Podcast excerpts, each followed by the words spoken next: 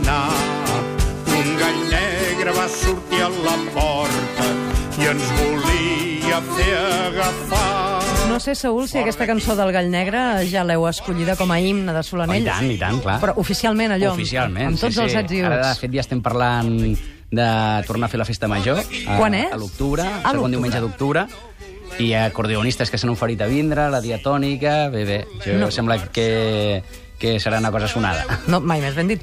No para, eh? No para amb el seu projecte de, de fer reviure Solanell. Us en parlem cada dimarts. Bé, de fet, ve ell en persona a parlar-nos-en. Per cert, la setmana passada que vas venir amb la Lucy, allò de la doma natural... De... Això s'ha fet aquest cap de setmana, no? Sí, e- era un curs de cap de setmana i ara comença un campament el dimecres. I com I ara el cap de setmana pues, ha anat força bé, eh, però hi ha hagut problemes. O sigui, van fer un... Què ha passat? Un, bueno, no, no, després que, clar, allí, allò us ho heu d'imaginar. O sigui, quan dius Roleta en poble, allò és molt salvatge, eh? Sí, sí. eh ens vam quedar sense aigua, perquè traiem l'aigua d'una font natural, llavors ens vam haver de bombejar-la d'un abeurador, eh, aquella font, per sort, no, no s'ha secat mai, i bé, al final aquest tema es va solventar. Llavors vam fer un tancat per, per als poltres que portaven, la fan d'home natural, i allí hi havia un poltre sencer, que és un sense domar.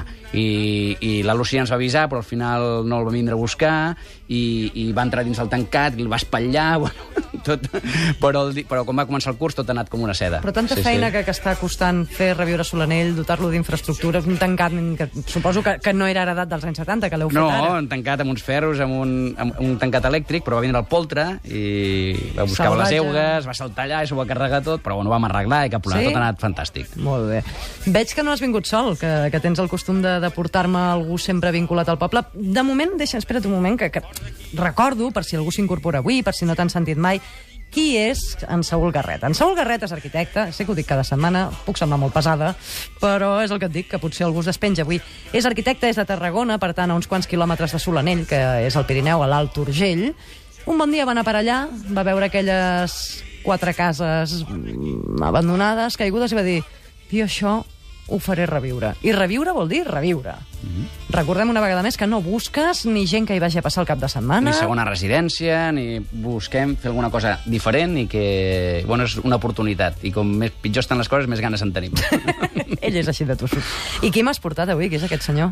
Doncs, bueno, eh, és en Marc Vidal, Mhm. eh, que és una persona que suposo que molts, molts oients el deuen conèixer. És un, un emprenedor, una persona doncs, que, que bueno, moltes coses ara que tothom el reconeix moltíssim, perquè ha fet moltes empreses, té molts treballs al seu càrrec, Un ara és, reputat és un home d'èxit, però a mi el que m'agrada d'ell i el que em va cridar l'atenció és que sempre eh, s'enorgulleix més dels, dels seus fracassos o l'experiència que, que li han donat les vegades que s'ha caigut i s'ha tornat a aixecar i ha tirat endavant i, i aquesta empenta, no?, que és una mica doncs, on jo m'hi m'hi he emmirallat i per això doncs, doncs el vaig, manera el vaig anar a buscar i em vaig fer pesat fins que he aconseguit que vingui aquí. Tan passat és, Marc Vidal, bona tarda. Déu-n'hi-do.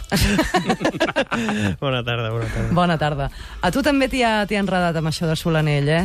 Bueno, m'he implicat en la mesura que, que jo puc implicar-me, que en aquest cas el ser bastant nòmada doncs, té més a veure amb, amb les noves tecnologies i el suport de, que es pot donar doncs, per contingut i per, i per buscar persones que puguin ser doncs, eh, properes al projecte que, que per ser-hi físicament, no?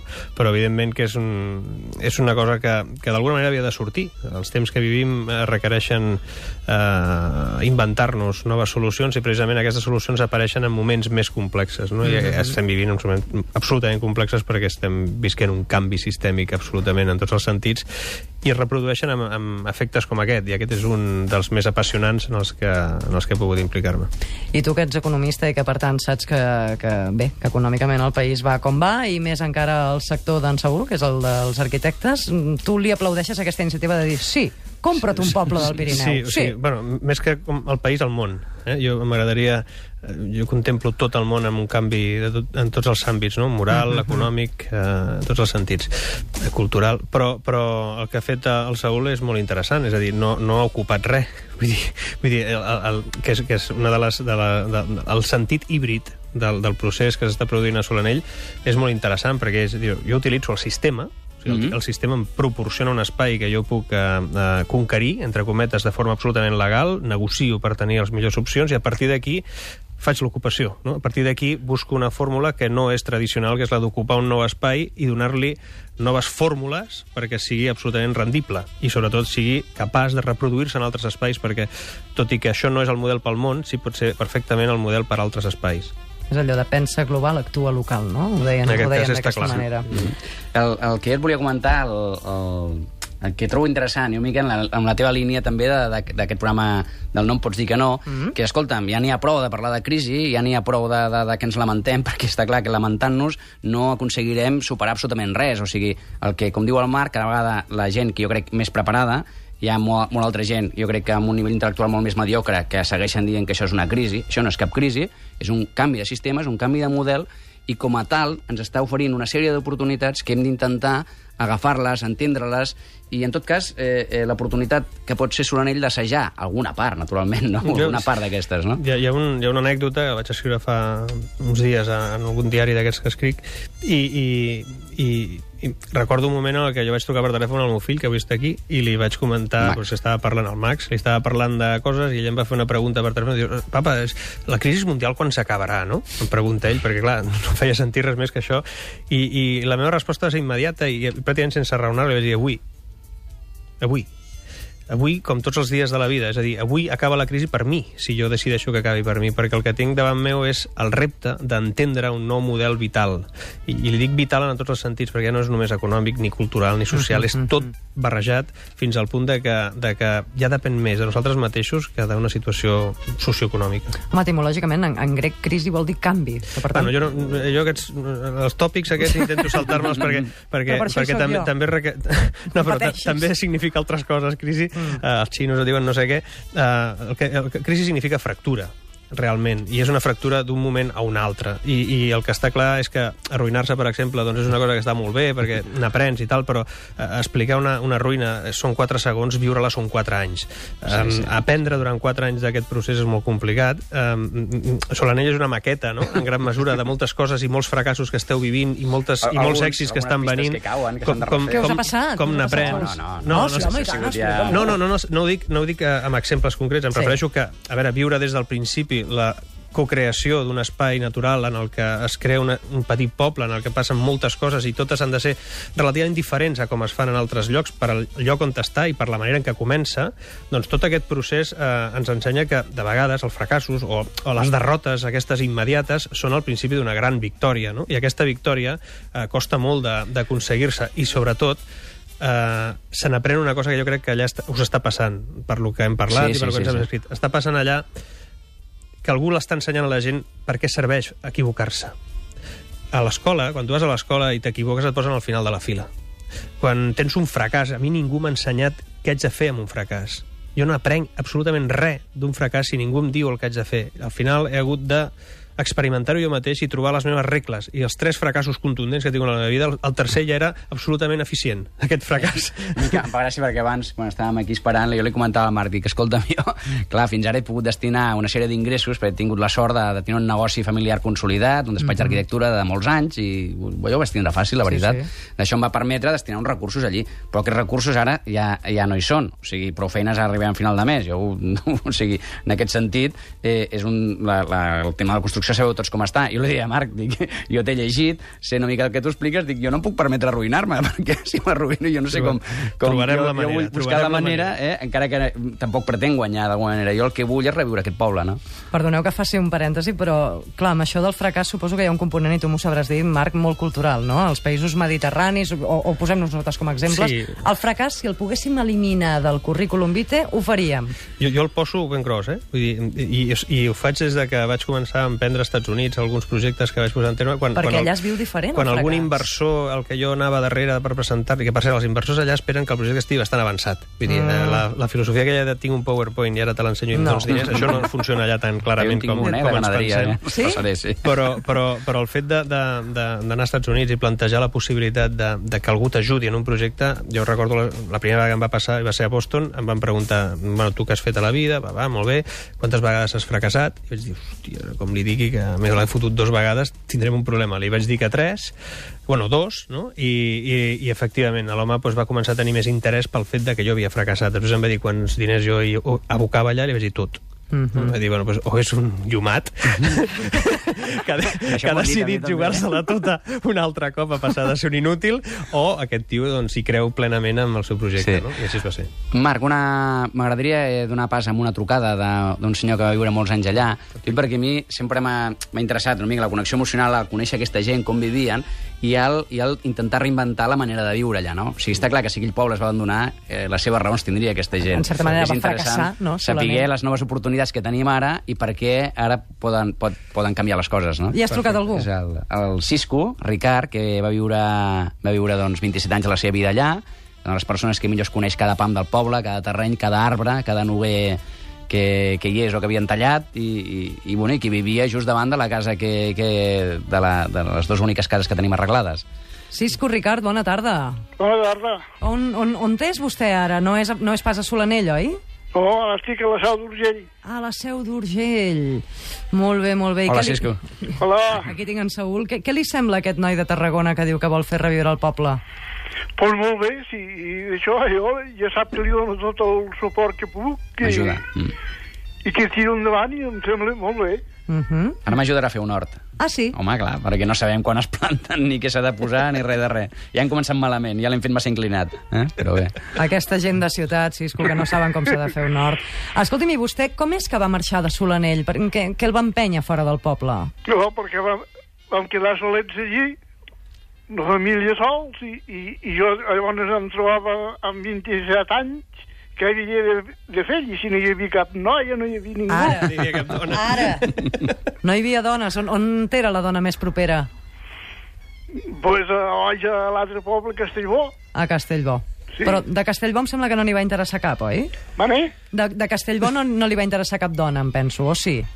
No, perquè ja ens en van baixar a viure al seu. Ah, directament a la seu. La- L'Angelina és de Castellbó? No, és un poblet de la vora. De Sendes. Sí. Veus? Ah.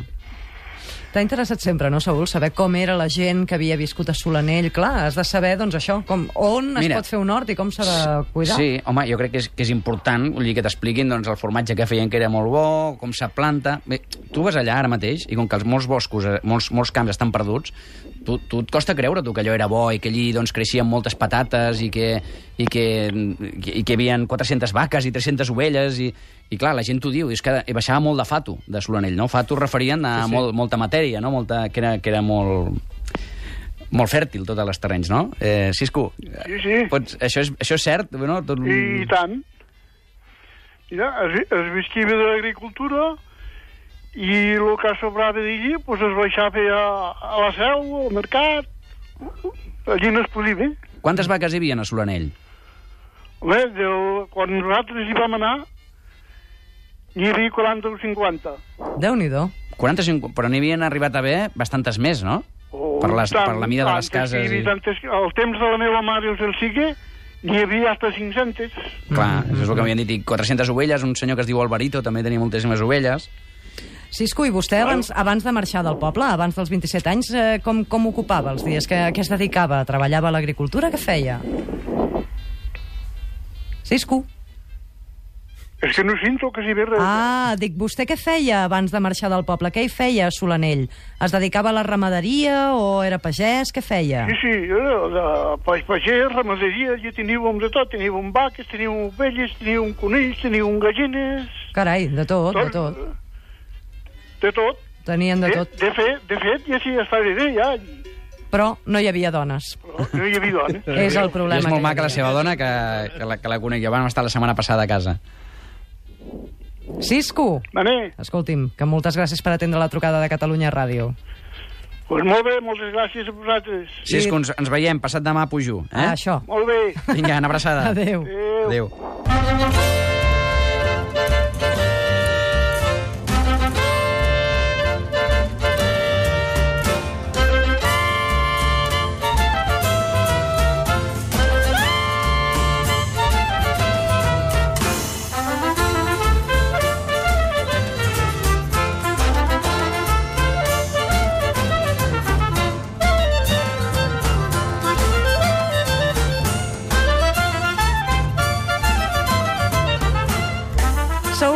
Si algú té ganes d'anar cap a Solanell aquests dies, quan, quan hi pot anar que hi trobi coses que, que s'hi facin, que hi feu? Tu dius que puges demà passat, no? O demà? Sí, que li sí. has dit al Cesc? Bueno, ara el dimecres comença un campament de cavalls, però, Veus? a veure, Això. qui vulgui pujar, que m'escrigui un e-mail a solanella.gmail.com i trobem el dia, el moment, això és un, un espai obert a qui vulgui vindre. En Marc eh? Vidal ja li has portat de l'orella o físicament encara no hi has estat? Físicament, no sé, bueno, vaig estar al principi de tot, però... Ah, doncs ja, ja hi has estat. Però molt al principi, o sigui, encara no he viscut el, el fet actual. Bueno, mm, és cert això, que acabaràs un llibre allà o no? L'acabarem, l'acabarem. El començarem amb Massanet de Cabrers i l'acabarem allà. Ah, sí? Un llibre de què, si es pot explicar? Si es pot No, explicar. és el tercer llibre i estem, estic treballant amb ell. Ara és un tema... És, es diu El Club de Somiadors. El Club de Somiadors. I te n'aniries a acabar-lo a, la, A un lloc on es pugui últims somiar retocs? Clar, clar, clar, clar. Clar. Ho somiar. prepararem tot. Tot allà estarà preparat, segur. Allà es pot somiar, allà es pot descansar, allà es pot respirar l'aire molt més pur que no pas aquesta part baixa eh, de, de Catalunya, digue-li Barcelona, digue-li Tarragona, digue-li la part de baix. Doncs escolta'm, Saúl, contenta que una setmana més m'hagis portat gent vinculada a Solanell. Jo crec que cada vegada entre els oients del programa hi ha més gent amb ganes de- d'implicar-s'hi, eh? Vull dir que, que et busquin, que es posin en contacte amb tu, que t'escriguin, que s'identifiquin com a oients del programa, si de cas, que sàpigues d'on baixen, i t'esperem dimarts que ve amb més aventures solanellenques, si en volem dir així. Jo li, li voldria aprofitar que està el Marc aquí. Mm -hmm. Clar, és una, una persona doncs, que coneix bé tot el món de les noves tecnologies, està especia- especialitzant en tipus d'empresa, com es diu això, start, Startups. startups tecnològiques, sí. tecnològiques. Startups. I jo una, una de les coses que crec que, que pot ser doncs, que, que el que explicava el Cisco, com es vivia abans, i les noves oportunitats que ens ofereix estar connectats a la xarxa, és que o sigui, estàs en un lloc, estàs a les portes d'Europa, tocant Andorra, en un lloc que et sembla que està en un lloc, aquella eh, connexió amb la natura, que, que em sembla que estem, que estem en un lloc eh, idíl·lic, però al mateix temps estàs molt connectat. Tenim internet, tens llum, tens Clar, uns accessos, estàs a mitja hora d'una gran ciutat amb un, amb un gran hospital, tens, una sèrie, tens, tens un ajuntament que ofereix molts serveis, eh, que per cert m'estan eh, recolzant amb tot, eh, que connecten amb el, el concepte símbol que pot arribar a ser Solanell. O sigui, concepte símbol vol dir en aquests moments de canvi. O sigui, jo crec que està molt bé dir, bueno, escolta, hi ha un projecte obert on volem fer les coses diferents, on tenim l'oportunitat de fer les coses diferents. I jo volia aprofitar el Marc si a mi se m'han acudit una sèrie de coses que he anat explicant, però si a tu se, se te n'acudeix alguna més. No, a, a veure, um, avui en dia no és, no és un límit estar al mig de la muntanya per fer absolutament res que tingui a veure amb connectar-se al món. Amb l'època en què en Cisco va deixar avui en- Solanell, sí. En però aquells ara... moments, evidentment, era molt més complicat, però ara mateix no, és que, no hi ha cap barrera en aquest sentit. És més, eh, pot ser tot un factor de fabricació d'endorfines que et permetin eh, respirar millor, pensar millor i fer-ho tot millor. I pot convertir-se, jo no, no exagero, en un hop, en un enllaç eh, molt concret, molt especial, poder per un tipus de startups o d'empreses tecnològiques que es vinculin a un tipus de comerç o algun tipus de- d'element de, que tingui molt que veure amb el lloc on està, però que precisament vinculi tot un, tot un triangle d'or que pot estar allà i que té que veure doncs, amb França, que té que veure amb Europa, que té que veure amb Catalunya perfectament. No? Mm -hmm. Per tant, estem al mig del món i aïllats al món tot al mateix temps. Ho hem de deixar aquí, la setmana que ve més. Saúl, moltes gràcies, Marc, per haver vingut al No em pots dir que no i per haver tornat a Catalunya i per haver vingut directament gairebé des de l'aeroport Sí. que venies de Los Angeles. Trobo que fas molt bona cara, noi, per venir, per venir d'un fus horari tan diferent. Moltíssimes gràcies. Adéu. Gràcies.